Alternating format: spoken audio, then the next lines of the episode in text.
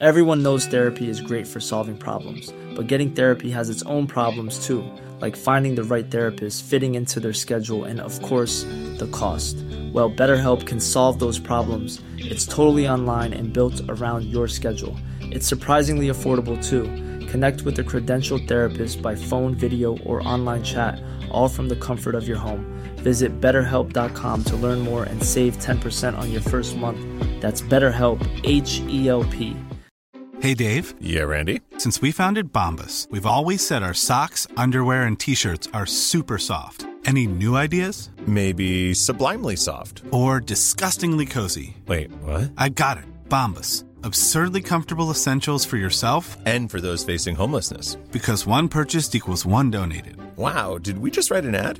Yes. Bombas. Big comfort for everyone. Go to bombas.com slash ACAST and use code ACAST for 20% off your first purchase. Burrow's furniture is built for the way you live. From ensuring easy assembly and disassembly to honoring highly requested new colors for their award-winning seating, they always have their customers in mind. Their modular seating is made out of durable materials to last and grow with you. And with Burrow, you always get fast, free shipping. Get up to 60% off during Burrow's Memorial Day sale at burrow.com slash ACAST. That's burrow.com slash ACAST. burrow.com slash ACAST. Det här är Paparazzi, en podcast där vi går in på detaljer om kändiskvaller och populärkulturella nyheter. Ja, vi kommer att prata om allt du vill veta och allt du inte ens visste att du ville veta om kändisar. Jag heter Max. Och jag heter Michelle.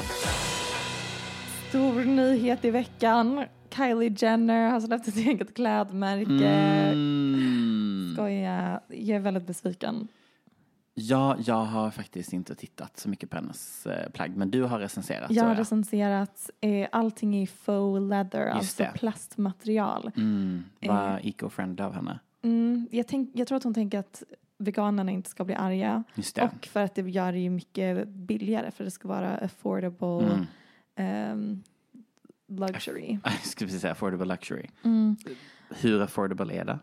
Ändå ganska den där kappan som såg ut att kunna vara väldigt dyr. Jag tror att den kostade typ 200 dollar. Okej, Vilket ändå är ett bra pris för en stor låtsasläderjacka. verkligen. Men det man kan ju inte bära s- låtsasläderbyxor eller en tight klänning. Det materialet håller ju inte länge och det blir svettigt. Nej, jag såg någon annan influencer som jag inte ens vet vad hennes namn är för jag vet inte vad hon heter egentligen. Jag vet inte vad hon har gjort. Men hon hade släppt något klädesmärke nu också i veckan. Eh, hon hade inte satsat på affordable luxury. Hennes väska kostade 8000. Men det är väl Dollar. framför allt med om man inte kan uppnå Kylies volymer så kanske man inte kan sälja särskilt billiga kläder.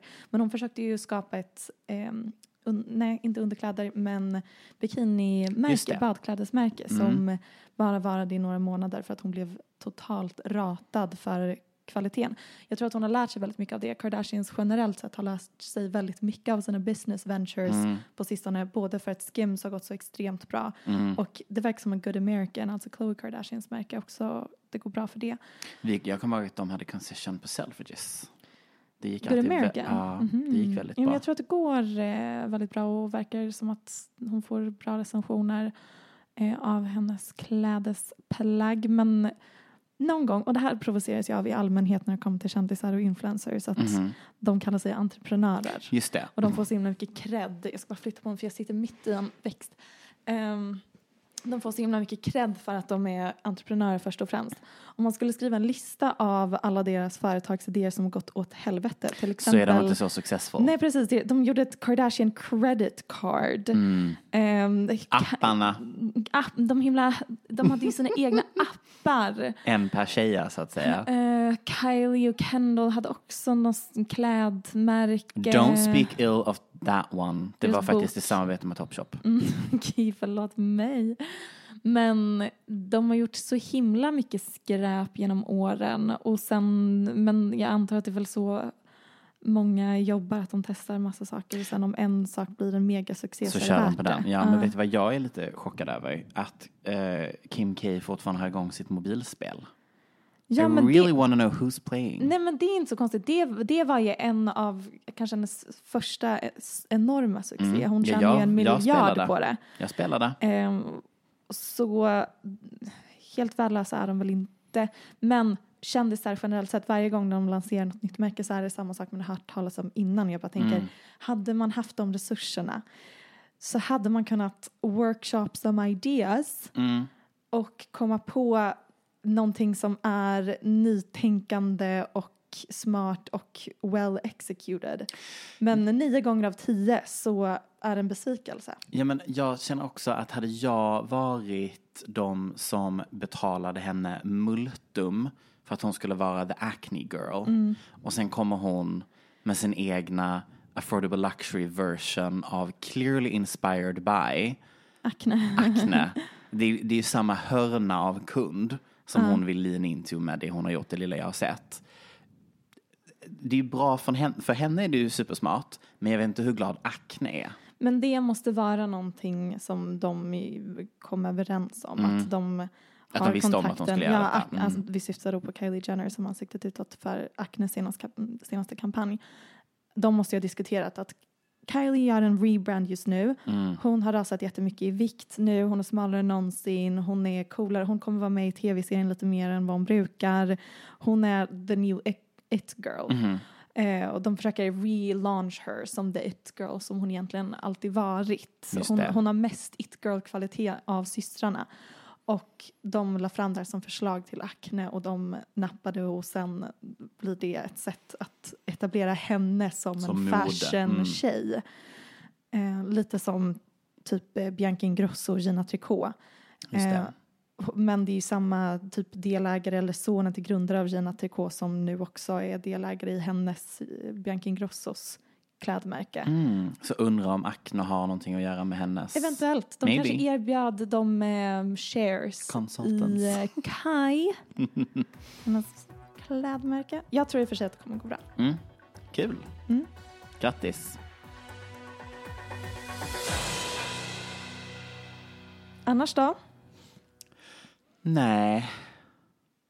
Nej. Nej. Ja, precis innan vi började spela in så berättade jag om eh, en stor insikt jag kommer till nu i veckan. Mm, att bögar kan bli botade. När jag lyssnade på en podd om gay conversion therapy om eh, väldigt, väldigt katolska personer Mhm.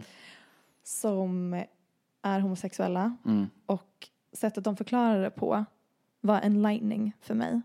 Därför det de säger var då utifrån deras perspektiv var det de, de två alternativen om man är en väldigt god religiös katolik var antingen så bildar man familj med någon av motsatt kön och för de personerna i den här podcasten så var det helt det känns som en omöjlig sak att de skulle leva De dör hellre än att leva med en ja, kvinna. typ. Eller i, den här, i det här fallet så var det en tjej också. som framförallt handlade om. Kolla upp vad den hette. Den var väldigt bra. Jag kan rekommendera den. Den hette Dear Alana. Mm. Men det andra alternativet, förutom familj, är att bli munk, nunna eller präst. Kloster. Därav att jag tror, Mhm. utifrån det de sa, att i princip alla som väljer den riktningen i livet eventuellt är homosexuella. Det är liksom de som insåg jag vägrar att bilda familj, mitt enda alternativ är att bli präst. Mm. Jag tror kanske inte att alla är det på ett kloster, men jag hoppas ju och tror att jag kanske har lite mer tur där än i omklädningsrummet på Sats. Ja, enligt statistik baserat på just nu min magkänsla baserat på källan den här podcasten så tror jag det hade älskat att vara en Mm. munk. Nej, men jag har ju faktiskt pratat om det innan, att jag funderar på att ta en sån retreat. Det är inte en retreat, utan man är ju där och typ hjälper till och så på ett kloster. Men det hade varit så mysigt. Mitt på sommaren, franskt kloster, en massa munkar. Jag, jag inbillar mig att de är liksom unga, well-groomed. Well groomed. Alltså jag menar fint hår. Eh, Den munkfrillan, bara hår på sidorna. Yes. Det tycker du är fint. Nej, men de, de ser bara eh, snygga ut. Eh, Jag tänker att det hade varit otroligt. Jag tror att jag måste googla mer på detta. Jag tror att det, det här, Eller så bara går jag i kloster. Jag är helt ärligt överväger att gå i kloster. jag vet inte om det hade kunnat bli så extremt troende. Sättet de här var troende på, de är sådana perfektionister. Mm, som, Menar du inte att jag är perfektionist? Inte på sättet de bara, Jag vet. åh, men jag vill bara typ kunna bli religiös. Det hade varit så otroligt skönt. Och bara typ kunna gå upp i någonting så mycket. Och typ också när det då, jag vet inte, typ som det är nu. När allting bara känns liksom i världen lite pissigt. För att vara mild. Eh, alltså det känns som att hade man då haft en tro så hade man kunnat vända sig åtminstone åt det hållet. Och på något sätt känna att man gjorde någonting. Förstår du vad jag menar? Ja, eller att Utlopp. känna att det finns en plan, att Mm. man har någon att luta sig mot. Ja. Det finns en mening med allt. Nu är det bara så, tio, alltså verkligen, inte tio timmar om dagen, det var ju att ta i lite. Men alltså jag, jag har ju nu nått den nivån med scrollarna på TikTok att jag får upp den här lilla kvinnan. Och sen säger Ja, lilla kvinnan, hon är ju en känd influencer, jag vet bara inte vad hon heter. hon är ju liten i Hon mobilen. är liten i mobilen. Ja. Eh, och så säger hon till mig att nu är det dags att ta lite tid för att nu paus, för nu har det varit mycket skärmtid. Den får jag upp varje dag. Saknar var länge sedan jag såg. Ehm, men vet du vem som är religiös? Nej, Britney Spears. Ah. bless her heart. Det här avsnittet så har vi valt att vi ska prata lite om Britney Spears bok. Inte bara så lite. Nej, vi ska faktiskt gå igenom boken med. Jag har på mig mina läsglasögon. Nej, det är mina glasögon jag har på mig dagen runt. Men jag ser extra akademisk ut. Mm, ser jättesmart ut. Tack. Vi ska testa något nytt. Mm. Att ehm, ehm, sammanfatta boken. Ja, det här är också väldigt spännande val av två människor som inte kan läsa sina egna texter. Mm. Så det ska bli extra spännande att se att vi nu ska försöka läsa en bok för er. Vi ska inte läsa rakt av, men vi ska ändå citera lite. Jag tycker framförallt synd om personer som kommer klippa det här. Ja, det var ju jag då. Mm. Men But sure, we try. den här boken är tillägnad hennes pojkar som är hennes livs största kärlek. Någonting som hon återkommer till väldigt mycket i boken. Hur mycket hon älskar dem, hur de är de enda som gav henne mening under en lång period än idag. Vi vet ju att hennes pojkar inte vill träffa henne idag. Gud, alltså fortfarande flashbacks till de vidriga ljudklippen. Ja, där hon skäller ut hennes son Mm. i bilen. Ja, och sen är det en också när han filmar när hon kommer in i rummet, när de är hemma. Eh, och hon liksom skäller ut honom igen. På väldigt reasonable grejer, ska tilläggas. Ja, jag har Hon är liksom tyckte- en mamma Ja, som är mammig. och som säger typ eh, jag är din mamma, du ska lyssna Respekter- på mig. Ja, men Ja. så här, jag är en vuxen kvinna, Ja. jag är din mamma, respektera mig. Och de är så, tihi. Men Ehm. det verkar ju som, det senaste vi hade var att hon var väldigt arg på dem och typ lite snackade skit om dem Ja, men sen så gick väl de också live. Det är också flashback. Mm. Men hon älskar dem såklart Ja. jättemycket och den här boken är till dem. Boken inleds med eh, kapitel om hennes barndom Mhm. då hon berättar att sjunga förde henne till en gudomlig närvaro. An- angående att vara religiös. Mm. Hon, alltså det som jag tycker är svårt i allmänhet när det kommer till barnstjärnor är att hon pratar om att hon älskade att uppträda och det var hennes verklighetsflykt eh, vilket var precis det hon behövde för att hennes föräldrar bråkade väldigt mycket. Det var kaos i hennes hem vilket vi säkert återkommer till. Men det hon beskriver är ett helt vanligt barn. Alla barn leker och dansar och sjunger Och vill synas och, vill få uppmärksamhet. synas och höras och flyr från verkligheten. Vet du vad? Vi säger alla barn, för att du var så, jag var så. Var alla barn så? Nej men att leka Ja, att är en leka, form av verklighetsflykt och det som är återkommande i alla barnstjärnors memoarer är Att de tänker att det är det som är I was not like other kids, I loved attention and singing and dancing. And they knew I was gonna be a star. I was a star. That's why my mom uh, booked auditions for me when I was 11 months old. Ja. Det är liksom, okay, you're describing a child. Mhm. Hon berättar om hennes familjehistorik, Mm. bland annat hennes farmors barn dog tre dagar efter födseln. Mm. Farfan skickade henne till ett sjukhus, ett mentalsjukhus, där Mm. de gav henne litium. Det här kan vi lägga på minnet. Mm. Ehm, hon sköt sig själv sen till döds med ett hagelgevär vid sin lille sons grav åtta år efter hans död. Och sen så beskriver hon hennes farfar som inte var en så nice person och hon har väldigt mycket förståelse för sin egna pappa och varför han blev som han blev. Mot henne liksom senare i livet. Med tanke på hans relation då till Britneys farfar. För han pushade sina barn extremt mycket, var, Perfektionister. mm, var en bara rakt igenom vidrig Mhm. pappa och Mm. det här är då ett arv som Britneys egna pappa sen har fört vidare till henne. Mm. Hon beskriver att hennes mamma och pappa kom från två skilda världar. Mamman från en elegant och sofistikerad familj i London tydligen. Det här var så spännande. Mm. Eller nej, det var hennes mormor som kom från den här eleganta familjen. Träffade en amerikansk soldat och hamnade i en håla i USA och blev Exakt. väldigt besviken. Och fick aldrig lov att åka tillbaka. Nej. För att då skulle hon aldrig vilja komma tillbaka till Amerika igen. Och när hennes föräldrar träffades så var hennes pappa enastående bra på sport, vilket är någonting som han sen pressade sina barn, framförallt Brodern. Britneys bror. Mm. Jättehårt pressade han honom i sportsammanhang. Enligt samstämmiga uppgifter byggdes deras relation på ömsesidig attraktion och Vad gemensam tycker du om översättningen i den här boken, Max? Den har ju saker att be om mer om. Be om mer om. Var det du som översatte som boken? boken. Nej men det är ju kanske inte den bästa översättningen man har varit med om.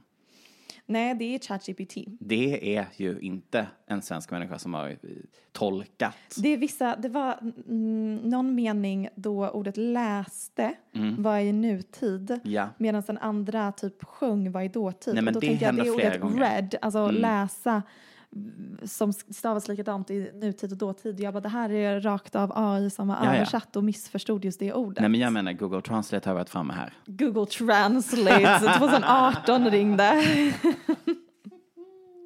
Jag vill eh, djupdyka lite i lite andra saker som hon ibland väljer att belysa ut i boken. Mm. Som kanske inte riktigt tillför, ska vi säga, så mycket för själva storylinen. Nej. Som kanske inte säger så mycket om hennes liv. Mm. Men jag gillar till exempel en evig ström av muskulösa killar gick ut och in på gymmet och spände musklerna i speglarna under den fluorescerande belysningen.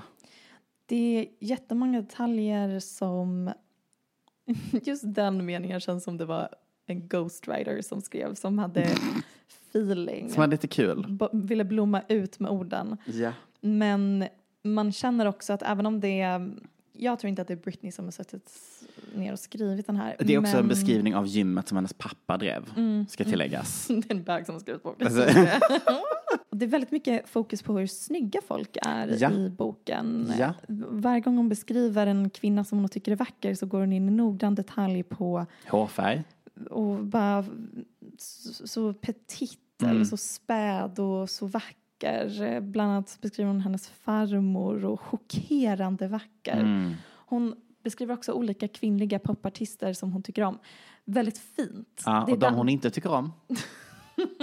Maybe not the same way. Christina Aguilera. Christina Aguilera. Men det är då man känner att boken ändå är i alla fall inspelad av henne då i ett långt röstmemo. För att det Alltså, är sådana detaljer som en, ingen annan skulle inkludera det här. Nej, alltså jag är övertygad om att min spaning om att det är ett enda långt voice memo. Yes. Det är så det har gått till. Hon, alltså hon, har bara, hon har bara babblat igenom Ja. hela sitt liv och sen har någon stackare fått skriva ner det. Ja. Eller så är det ChatGTP som har transkriberat den stackars voice memon också. Pappan dricker väldigt mycket. Hon säger att han själv medicinerade säkert efter hans barndom. Och för mig var det allra sorgligaste att jag aldrig bara, alltid bara hade önskat mig en pappa som älskade mig precis som jag var. Någon som sa jag älskar dig, punkt slut. Du kan göra vad som helst i detta nu. Jag skulle ändå älska dig villkorslöst. Hjärtskärande mening med tanke på att det var inte alls det hon någonsin fick under hela sin uppväxt. När hon var fem år så ställde hon upp i en lokal danstävling och vann. Och efter det så började hennes mamma ta med henne på tävlingar över hela regionen. Mm, här tyckte jag också att det var intressant att eh, hon började jobba extra. eh, och the math was sort of mathing när jag läste det här. Men jag fick det till att hon alltså är nio år gammal när hon börjar jobba på en skaldjursrestaurang Jajamän. för att citat dra mitt strå till stacken. Ehm, jag har två känslor över den här delen i hennes liv. Ett, om det stämmer, fruktansvärt, barnarbete. Om det inte stämmer, livlig fantasi, låter som att jag läser en början till en musikal. Jag tror att det stämmer men jag tror kanske inte att hon jobbade så himla hårt. Tror du inte? kanske fick slänga eh, räkskal. Jag tycker ändå det var kul att höra att hon haft ett vanligt jobb någon gång i sitt liv. Att hon var nio och hade ett vanligt jobb vet jag inte om vi tycker att vi ska... Men vet du vad som jag tycker är betydligt mycket värre? Att hon började dricka när hon var tolv med sin mamma. Ja. ja. men innan allt det här så eh, är hon ju med i Mickey Mouse Club. Hennes föräldrar såg en tidningsannons om en öppen provspelning för nya Mickey Mouse Club. Ehm, och det är mer än 2000 barn på plats. Eh, hon beskriver hur hon träffar Christina Aguilera. Hon får först inte rollen för hon är för ung men eh, nästa gång de eh, är på audition så får hon så, såklart rollen i och med att vi vet det idag. Efter tv-showen slutar, efter ett och ett halvt år så går hon tillbaka och lever ett ganska vanligt liv. Och det är här vi kommer till Barnalkoholism. Exakt. När hon gick i åttonde klass började mamma och jag bara på skoj åka den två timmar långa vägen från Kentwood till Blixo, Biloxi. Biloxi. Mississippi. Och när de var där så brukade de dricka alla barns favorit, skriver inte hon, men det lade jag till själv, alla barns favoritdrink, da- daiquiris. Det är alltså jordgubb. Med alkohol i. Vi kallade våra cocktails för toddies. Jag älskade att jag tilläts ta ett glas tillsammans med mamma. Och viktigt, hon tycker ju inte att det är på ett dåligt sätt som hur hon pratar om pappans drickande. För när pappan dricker så blev han deprimerad och slöt sig för omvärlden. Men de blev minsann gladare, livliga och äventyrliga. Ja, och eh, hon säger också att vi...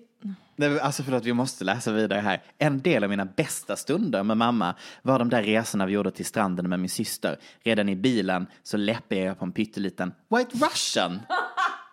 Hon är alltså typ 13 år Jag här. tyckte det smakade som glass när en sådan drink hade precis rätt, rätt mängd krossad is, grädde och socker och inte allt för mycket alkohol så var det alldeles himmelskt gott. Vet du vad det här påminner mig om?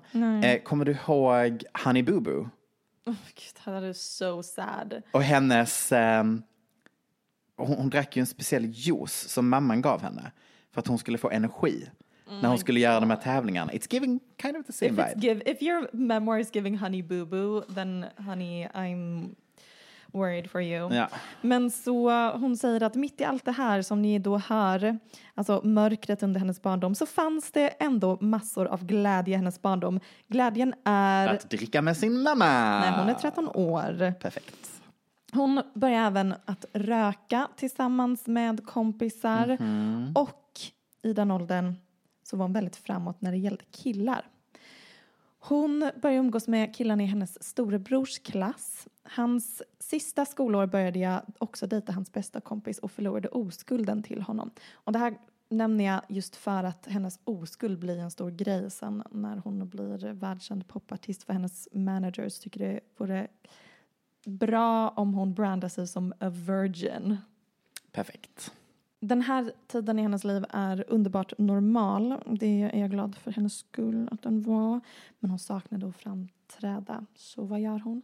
Hon skickar in en demo. Ja, men eh, och hon blev ju signad direkt. Crash boom bong sa hon ett skivkontrakt. Ja, och de ville att hon skulle in i musikstudion direkt. Sen skriver hon ärligt, jag hade noll koll. Och här kommer the Swedish representation in för hon träffar en svensk producent vid namnet Max Martin. Men sen är det inte jättemycket mer mention av Sverige.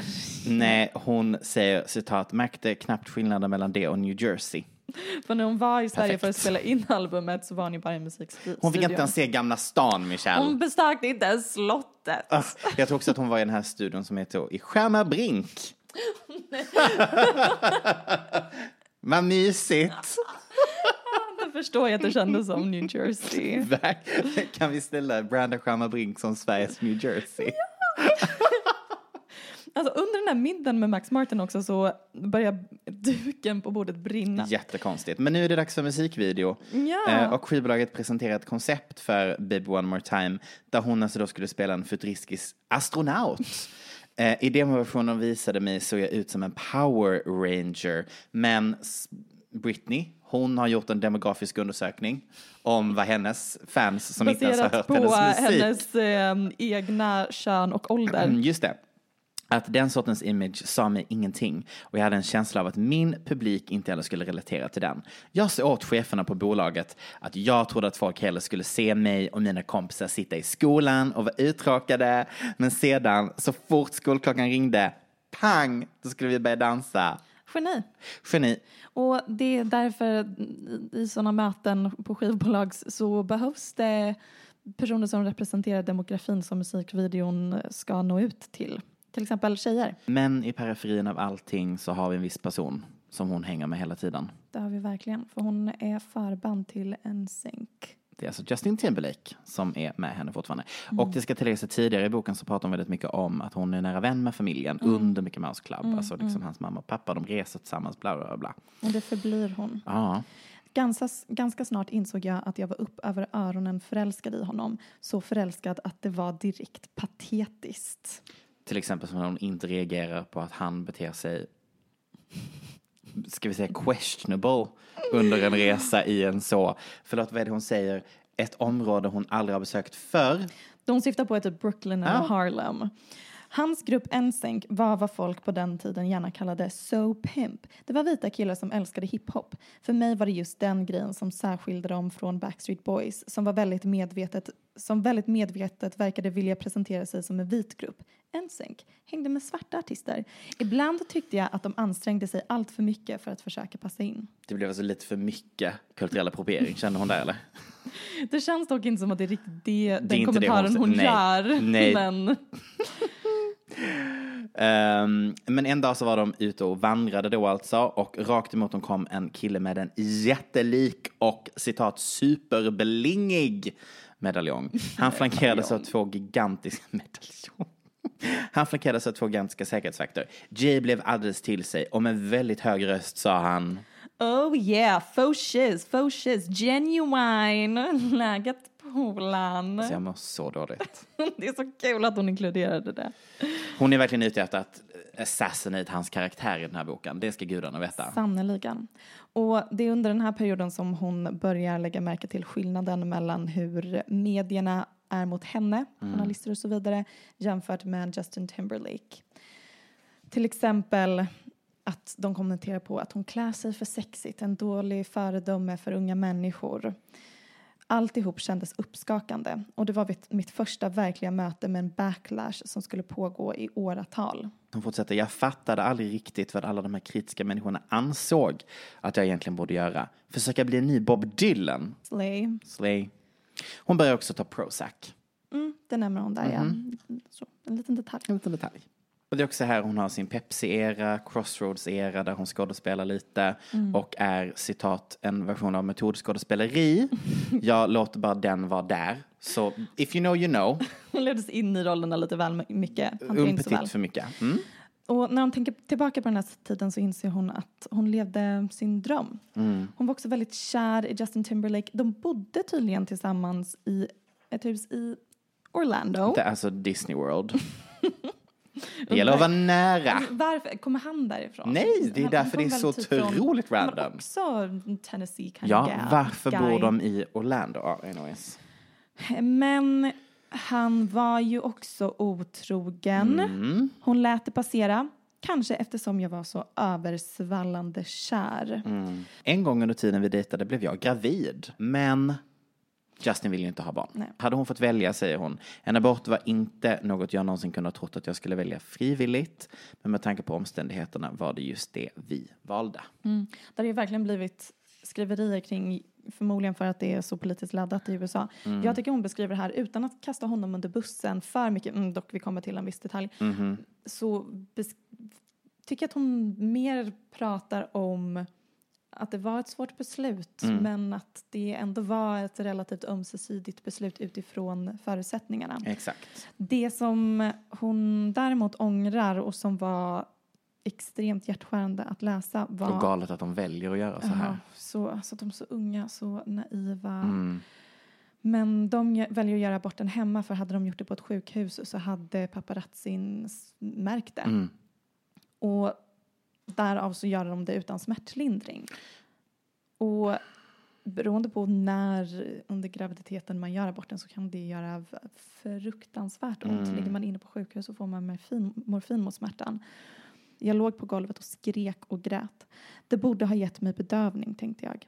Vad gjorde Justin Timberlake? Han tänker att det mest läkande vi har på planeten jorden är musik. Mm. Så han går ut ur badrummet, hämtar en gitarr, kommer tillbaka, lägger sig på golvet och börjar plinka. Spela lite Wonderwall. Den fanns ju inte då. Men hade den funnits hade det varit Jag tror att han gav en acoustic rendition av en, en synklåt. Bye, bye, bye. Backstreet Boys. Ja. Keep trying. Spela en Christina Aguilera-låt. Genie in a bottle baby. Åh, underbar. Det var en väldigt konstig version av den jag precis sjöng. Genie in a bottle, baby. come, come, come on, let me out. Varför skulle han sjunga den så glatt? You can rub me the right way honey. You can rub me the right, Right way, way, honey. Anyways. ehm, just det. Tråkigt att det händer såklart. Eh, då går vi vidare till när hon blir dumpad. Hur avslutar han förhållandet Michelle? Det blir ett sms. Det blir It's ett over. sms. Jag vill verkligen veta varför jag har valt att stryka under meningen. Jag bara låg på sängen och stirrade upp i taket. Av allt hon ger oss i denna bok så tyckte Max den meningen har något. Jag låg på sängen och stirrade upp i taket. Så dumt.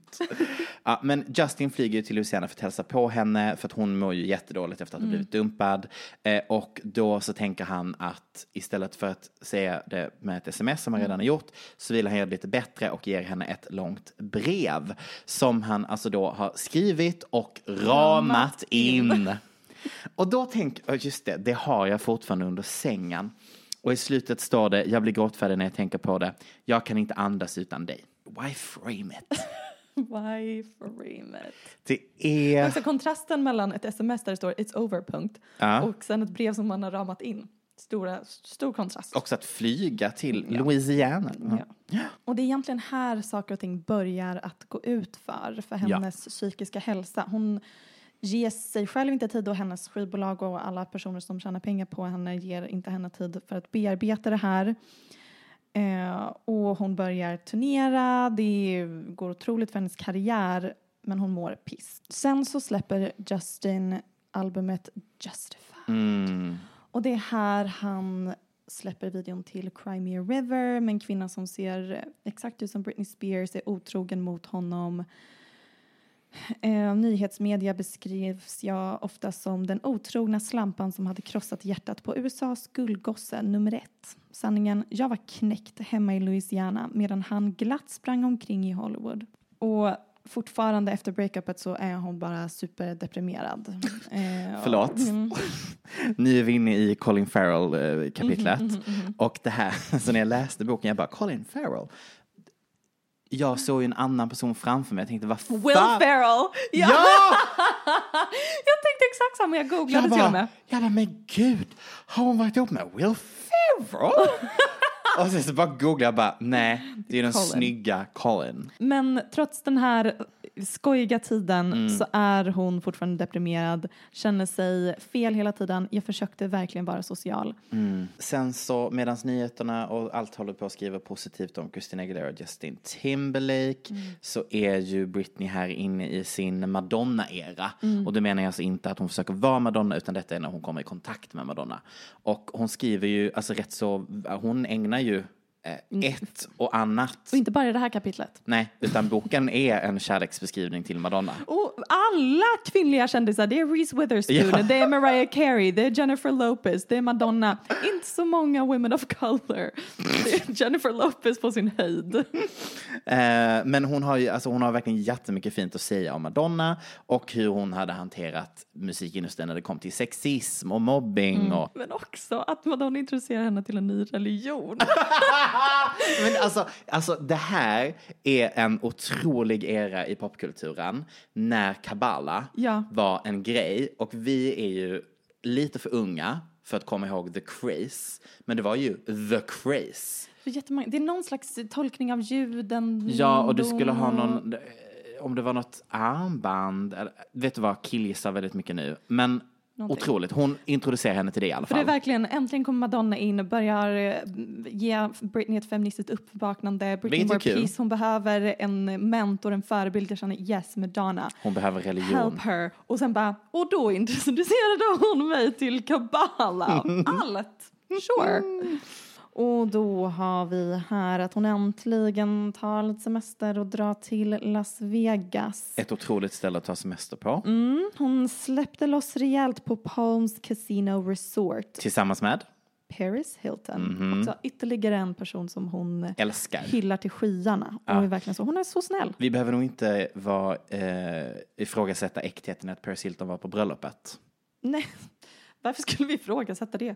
Det var jättemånga som sa att de, varför är hon där?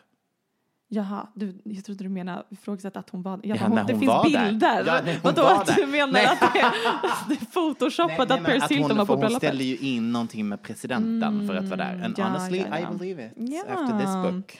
Men så de festar och vi drack mycket. Ja, ja. Och det blev hej alkohol! Utropstecken. Oh, som folk i 20-årsåldern lät göra efter några drinkar hamnade jag i säng med en av mina gamla kompisar.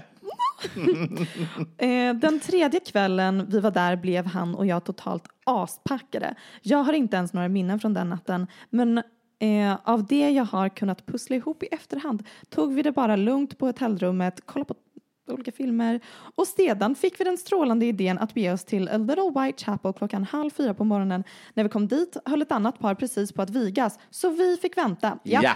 Vi fick stå i kö för att gifta oss.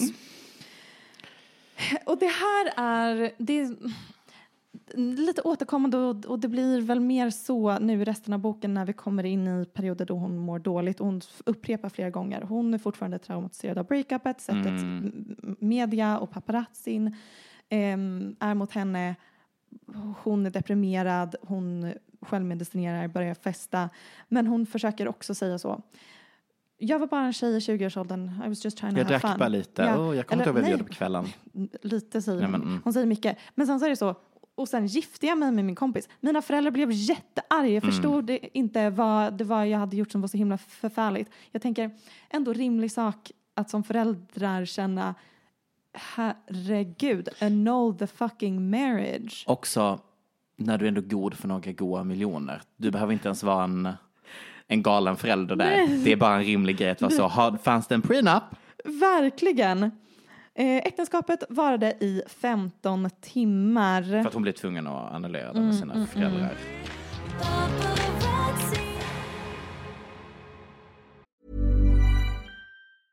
Hey, I'm Ryan Reynolds. At Mint Mobile, we like to do the opposite of what Big Wireless does. They charge you a lot, we charge you a little. So naturally, when they announced they'd be raising their prices due to inflation, we decided to deflate our prices due to not hating you. That's right. We're cutting the price of Mint Unlimited from $30 a month to just $15 a month. Give it a try at mintmobile.com slash switch. $45 upfront for three months plus taxes and fees. Promo rate for new customers for limited time. Unlimited more than 40 gigabytes per month. Slows. Full terms at mintmobile.com. Hey, Dave. Yeah, Randy. Since we founded Bombus, we've always said our socks, underwear, and t shirts are super soft. Any new ideas? Maybe sublimely soft. Or disgustingly cozy? Wait, what? I got it. Bombus. Absurdly comfortable essentials for yourself And for those facing homelessness. because one purchased equals one donated. Wow, did we just write an ad? Yes. Bombas. Big comfort for everyone. Go to bombas.com slash ACAST and use code ACAST for 20% off your first purchase. Sen så, eh, som i Britneys liv i den här boken, så är det dags att turnera igen. Och vem träffar hon på den här turnén? Kevin Federline. Mm. När jag läser den här boken så det, det hon får utstå sen, eh, alltså redan under hela sitt liv men framförallt senare, är ett så stort trauma så vem som helst hade blivit psykiskt sjuk av Gud, ja. det och galen och säkert utvecklat olika missbruks eh, liksom, för att överleva. Men det är också sådana saker som man bara droppar lite här och var som till exempel sen gifter vi oss eller Mm. ehm, som man inser, men vad, hur mådde du egentligen? Eller vad hände här egentligen? Ja, vad, är det, vad är det egentligen som händer när du Mm, skriver om de här sakerna? Och, och inte för att misstro hennes version eller säga att det inte är det sundaste någonsin egentligen att bli knäpp i ett sånt sammanhang. Men det är ändå, man vill veta mer. Mm.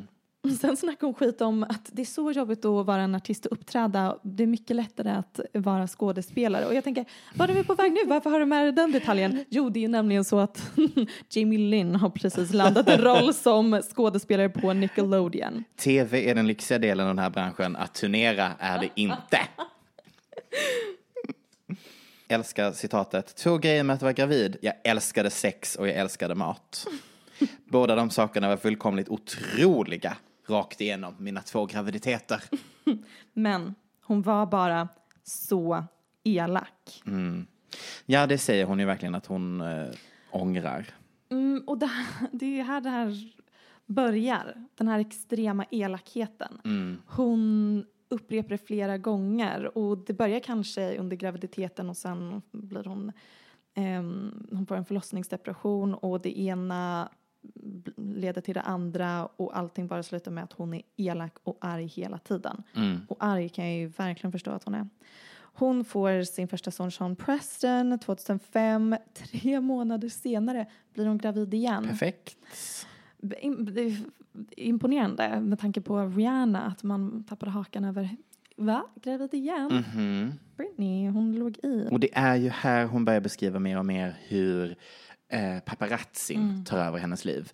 Eh, och det hon börjar med att belysa är det ingen i medievärlden verkade inse var att jag redan var väldigt hård mot mig själv.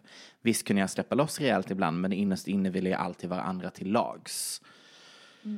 För hon känner hur de pratar om henne i media. Och här börjar ju ett, en absurd förföljelse. Mm. Hon- Som typ inte tar slut sen. Nej, nej, exakt. Och vi minns ju alla paparazzi-bilder när hon sitter och kör bil med hennes ena son i knät och om det är någon offentlig förälder som, om det är något offentliga föräldrar vet så är det just bilstolar blir folk tydligen galna. Tydligen har folk av. jättemånga åsikter där. Ja, och till hennes försvar så situationen hon beskriver är att hon försöker rymma från en paparazzi. Hon försökte bara köra Eh, en, en liten sträcka och allt var kaos och bara satte barnet i knät, körde långsamt. De här bilderna sprid, sprids över hela världen. Hon anses som en olämplig förälder. Eh, samtidigt då som hon har de här eh, två barnen så börjar Kevin Federline eh, börja jo- jobba med sin musik. Han ska bli artist. Och det är så himla kul att han verkar vilja bli lite samma typ av cool kille som Justin Timberlake. Mm, åh, jag Diagra- ett Venn-diagram finnes. Han släpper en låt, en, han blir, blir rappare då han släpper en låt som heter alltså röv på portugisiska. Jag har aldrig hört hans musik. Och det tror jag vi ska vara glada över. Popozao. Perfekt.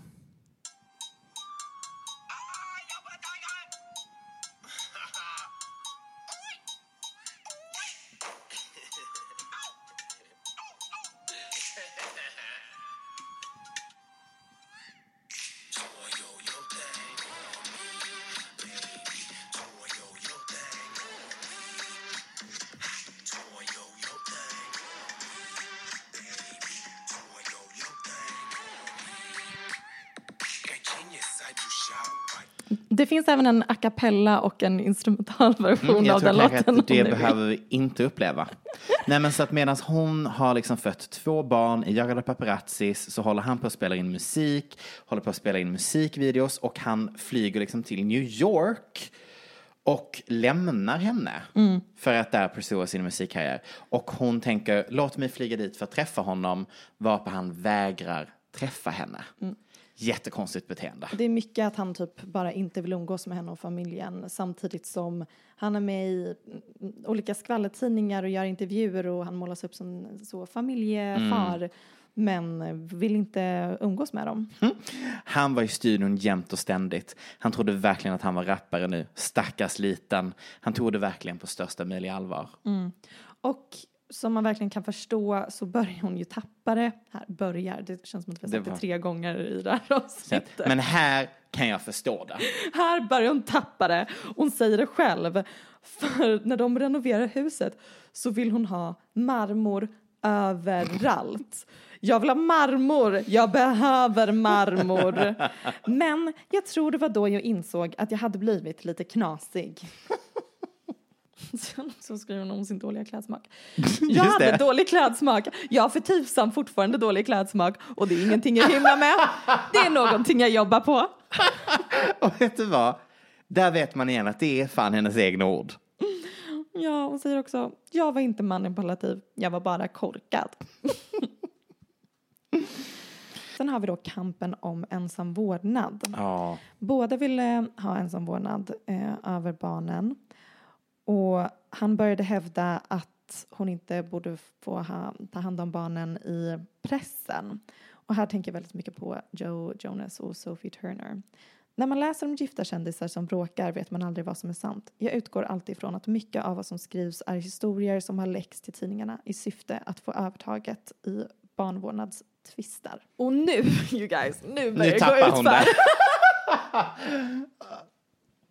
Gud, förlåt. Nej, det är hemskt, men Alltså, det är alltså- verkligen hemskt. Men det är verkligen, nu börjar det verkligen gå ut för, för att hon får, av någon anledning som jag inte riktigt förstår, men hon får inte träffa barnen under flera veckors tid. Sen hamnar vi på rehab. Mhm. För att få tillbaka vårdnaden ehm, så säger de att eh, hon måste läggas in på rehab, så hon gjorde det. Trots- Inte för att hon tyckte att hon hade någon substansberoende som Nej, och, men jag tycker ändå att hon har något, någon poäng här utan att såklart veta hur det egentligen står till. Men hon tänker att hennes problem handlar mer om ilska och Mm. sorg än om missbruk. Det kan verkligen ligga någonting i det. Mm. Här har jag skrivit ett frågetecken. Mitt management-team sa upp mig. En livvakt vittnade i rätten i vårdnadsärendet eh, med advokaten Gloria Allred vid sin sida. Han sa att jag knarkade. Han korsförhördes inte. Det liksom bara det nämns att hennes management-team säger upp sig. Sen så händer också en sån grej som man har läst om i skvallerpressen och som man även när man läser hennes bok inte riktigt förstår. Eller så gör man det bara för att man, ja, hon mår ju dåligt. Men eh, en säkerhetsvakt ska komma och hämta upp hennes barn. Först sätter hon Preston i bilen och sen så slår hon av en tanke att hon kanske aldrig kommer få träffa pojkarna igen. Mm. Eh, i och med att hon, Kevin tog ju dem vid ett annat tillfälle och hon fick inte se dem på, flera veckor. Så då springer hon in i badrummet med Jaden och låser dörren tills en insatsstyrka kommer in och bryter upp badrumsdörren. Um, så fort Jaden togs ifrån mig spändes jag fast på en bår och fördes till sjukhuset. Jag borde nog inte berätta det här, men jag var helt utspårad. Jag knaprade en massa Adderall. Hon började dejta en fotograf. Ehm, Mhm, Som är hon var blint förälskad i. Vad menar hon med fotograf, Max? Hon menar ju paparazzi. Hon började dejta en paparazzi. Han var alltså inte modefotograf. Nej, men ehm, fotografen peppade mig till att göra uppror. Han lät mig släppa alla hämningar och älskade mig ändå. Mm, där undrar man, kan det vara för Att han ville ha lite bra material. Jag var kompis med paparazzin och, Och att han uppmuntrade dig till att släppa alla dina hämningar. hon säger även att jag pratade som om jag var toka, tokig. Jag säger rakt ur, jag var hemsk. Hon säger här, jag var väldigt arg. Hennes mamma ringer henne sen en dag och säger att någonting är på gång. Vi har hört att du är eftersökt av polisen. Kom med oss till Strandvilla. De är alltså i Mexiko ska vi också lägga till här. Jaha.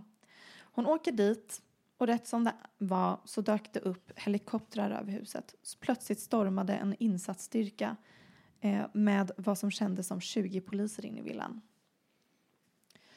Och det är nu förmyndarskapet kommer in i bilden. Och trots att och som hon säger, förmyndarskapet är till för personer som är helt oförmögna att ta hand om sig själva. Men hon släppte precis in eh, bästa albumet i hela hennes karriär, tjänade pengar åt massor av personer. Eh, och hon bad om att vem som helst, vem som helst från gatan, bokstavligen vem som helst skulle bli hennes förmyndare. Absolut inte hennes pappa, men det blir hennes pappa. Och sen beskriver hon ju väl lite så här om, i detalj om förmyndarskapet och vem som gör vad och så. Men jag menar det har vi gått Ja, över verkligen. tusen gånger. Eller som vi tyckte om att kalla det konservatorskap. för, inte för att vara den som är den med översättningar men Kanske inte alltid den bästa sharpest tool in the box, så att säga, vi själva. Så länge, många Alltså avsnitt som det många var. avsnitt. Konservatorskap, det var det vi som konserverade Britney när vi pratade. Perfekt. Ehm, alltså, först så kan man förstå föräldrarnas perspektiv lite i allt det här kaoset. För Mm. man hör ju, Britney behöver ju hjälp. Någon hjälp behövs ju. Någon behö- Äh. hjälp behövs. Men sen så läggs detaljer som det här till. Samtidigt som mitt liv höll, höll på att rasa samman skrev mamma en biografi och tjänade massa pengar på historien om hennes dotter. Jag tycker det är intressant hur hon refererar till hur hon har varit duktig på att hantera sina kvitton. För hon menar ju att hon är i ett förmyndarskap, hon är galen, hon är som crazy, men hon sparar med sina, alla sina kvitton i en skål Mm. Ja, in i... räknar ihop varje Ja, månad. ja, vad hon ska betala tillbaka i skatt och moms och allt sånt där som ingen annan klarar av här i livet. Anyways. Eh, men då beskriver hon en scen där pappan har satt sig i det här rummet. Han har tagit över kontorstolen så att säga i hennes hus. Skjuter undan skålen med kvittorna för att ge plats åt sina egna saker på baren. Det vill jag veta mer om hur de har översatt den. För jag tror inte att det är en bar. Men anyways. Om, om hennes kontor Om hennes en kontor bar. är en bar med en kvittoskål ifrågasätter jag om det kanske det var bra med ett förmyndarskap. Så, kanske inte ett jättebra kontor. Så se, se över lite om man, om man får lov att ge lite så feedback på översättning. Se över den. Med marmor överallt. Äh. Alltså från tak till golv till väggar. Eh, Men då säger pappan, jag vill bara att du ska veta det här. Det är jag som bestämmer. Du sitter där i stolen och jag berättar för dig vad som händer. Jag är Britney Spears nu. Hon beskriver ju massa detaljer om alla regler. De gör bakgrundskontroller innan hon får gå på dejt med någon. Hon lämnar blodprov varje vecka. Nej, det är personen hon ska dejta som läm- lämnar blod, blodprov. Ja. Söker igenom att det inte är alkohol eller droger varje gång hon åker hem till någon. Ehm, hon får veta att hon inte får anlita en egen advokat, vilket hon sen får reda på att det stämmer ju inte. Till och med mördare får bestämma vilken Mm, deras egna advokat är. Tråkigt att hon var så naiv. Mm, de tar ifrån henne hennes mo- mobiltelefon. Hon är trött, hon är rädd, hon har inte mycket kraft kvar i sig. Mm, och sen säger hon så, varför tror ni att jag gick med på det här förmyndarskapet? För att jag ville komma i kontakt med mina barn. Precis. Och vet du vad? Rimlig anledning. Och det är helt sjukt att ha det som morot framför henne. Typ, gör du bara exakt som vi säger. Och Så får du lov att umgås med dina barn. Och det fick hon ju helt plötsligt det, ha- som sagt, det hade man gjort betydligt mycket värre saker. Äntligen, efter hon har följt de här reglerna och går på autopilot och är död inombords så um, får hon träffa sina barn igen.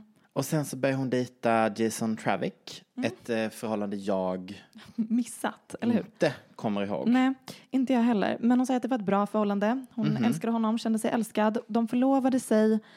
Eh, men sen 2012 en, så blir han en av hennes förmyndare. Mm. Och då förändras känslorna för honom. Va, vad konstigt. Jättemärkligt. Jättekonstigt. Och samtidigt som hennes Las Vegas-shower börjar Mm. så träffar hon en till kille. En tv-producent.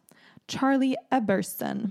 Ringer ingen klocka för mig här heller. Ebersol hette han. Ho- jag älskade honom, skriver hon. Han tränade varje dag och åt kosttillskott och började ge henne energitillskott. Och det här gillade inte hennes pappa.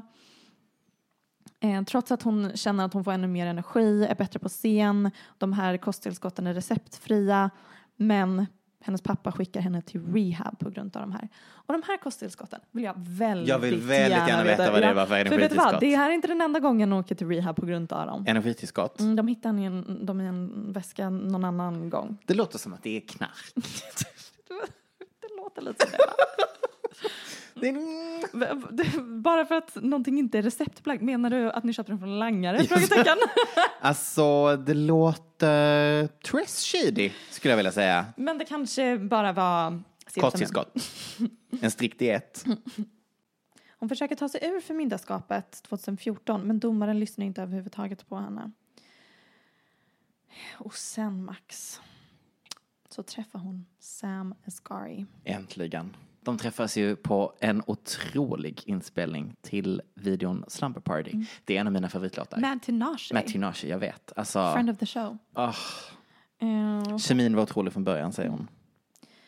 genast började skvallerpressen skriva att han, all, att han bedrog mig. De hade bara varit ihop i två veckor.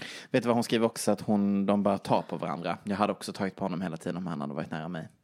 Men då bestämde pappa sig för att det var dags att skicka mig på behandling igen eftersom jag hade smygätit receptfria energitillskott. Mm. Vill som sagt veta vad det är för energitillskott. Mm, mm. Och så säger han eh, att hon måste gå på möten på anonyma alkoholister, vilket hon faktiskt tycker om. Hon tvingas gå varje vecka hela tiden, men eh, den samhörigheten, hon, alltså också att träffa vanliga människor, ha genuina samtal är Mm. någonting som hon inte har fått så mycket av i sitt liv.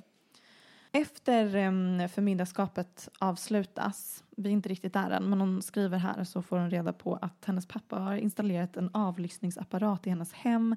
De har avlyssnat samtal, sms, både liksom privata till hennes kille, till advokat, till hennes barn.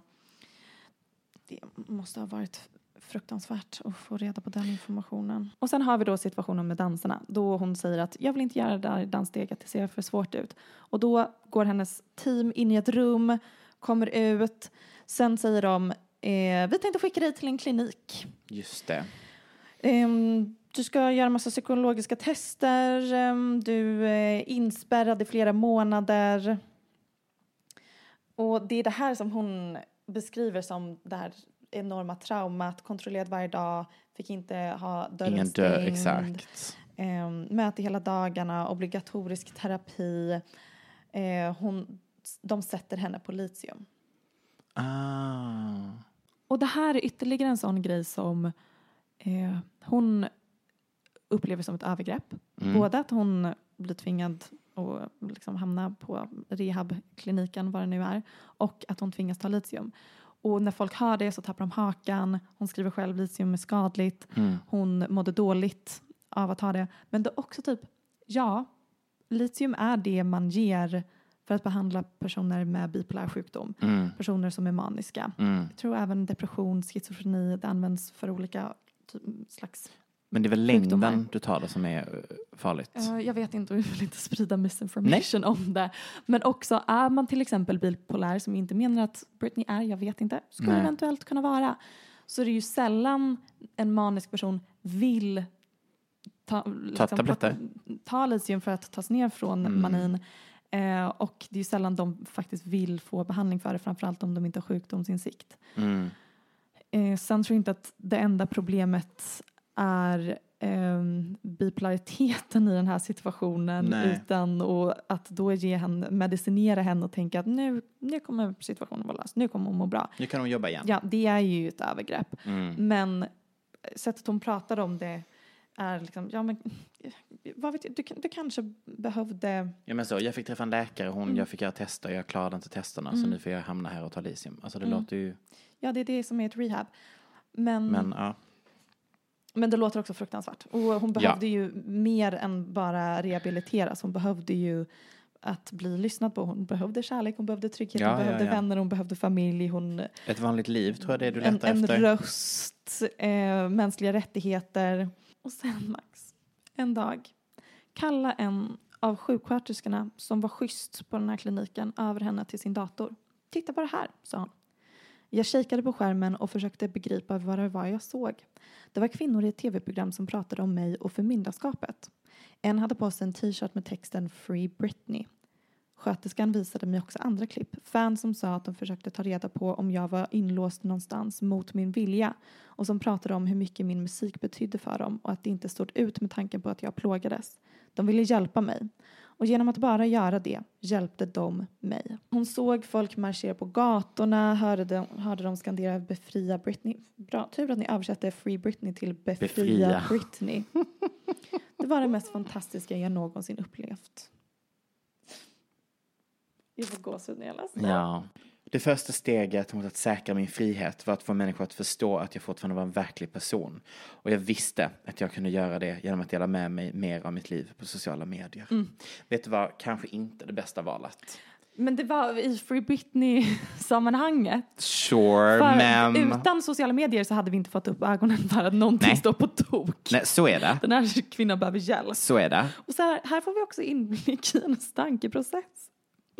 Hon försöker läcka, väcka liv i hennes kreativitet Genom att bland annat följa bild och musikskapare Mm, på Instagram. Jag stötte på en kille som gjorde flummiga videor. En var bara en vit tiger med rosa ränder som rörde sig mot en rosa bakgrund. När jag såg det kände jag en naturlig drift att skapa någonting själv och började leka med en låt. I inledningen lade jag till ljudet av en skrattande bebis. Jag tyckte det var annorlunda. Hessam, alltså Sam, sa du kan inte ha med en bebis som skrattar. Men sen så ser han att någon annan lägger upp en video med en bebis som skrattar i bakgrunden och då blir den avundsjuk och bara det skulle vara min grej. Ah, her mind belongs in a Ah, hon är museum. otrolig.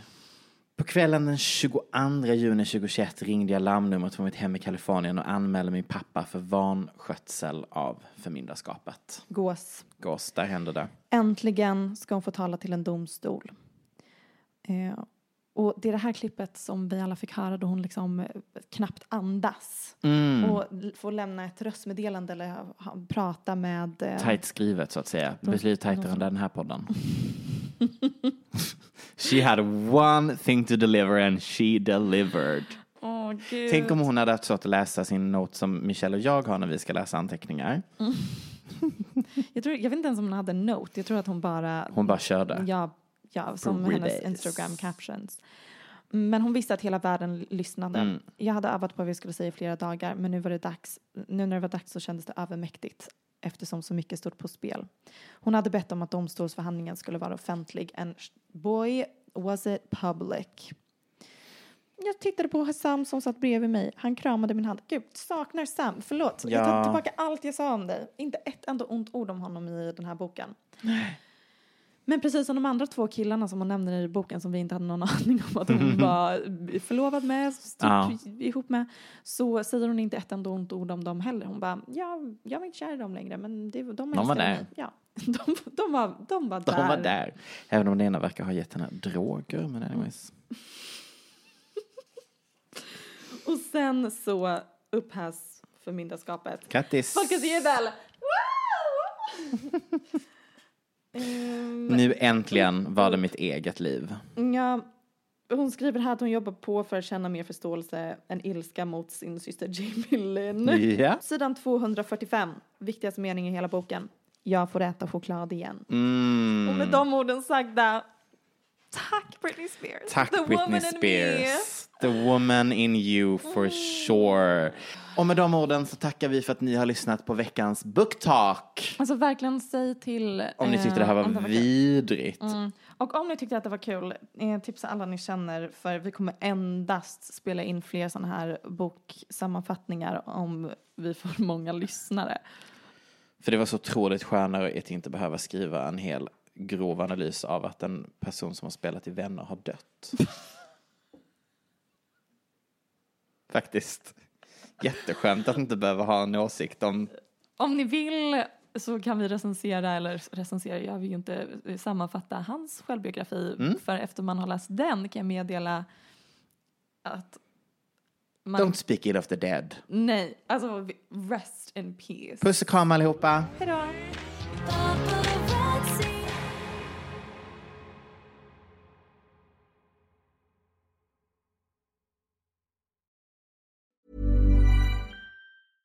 Planning for your next trip? Elevate your travel style with Quince. Quince has all the jet setting essentials you'll want for your next getaway, like European linen, premium luggage options, buttery soft Italian leather bags, and so much more. And is all priced at 50 to 80% less than similar brands. Plus, Quince only works with factories that use safe and ethical manufacturing practices. Pack your bags with high-quality essentials you'll be wearing for vacations to come with Quince. Go to quince.com slash pack for free shipping and 365-day returns.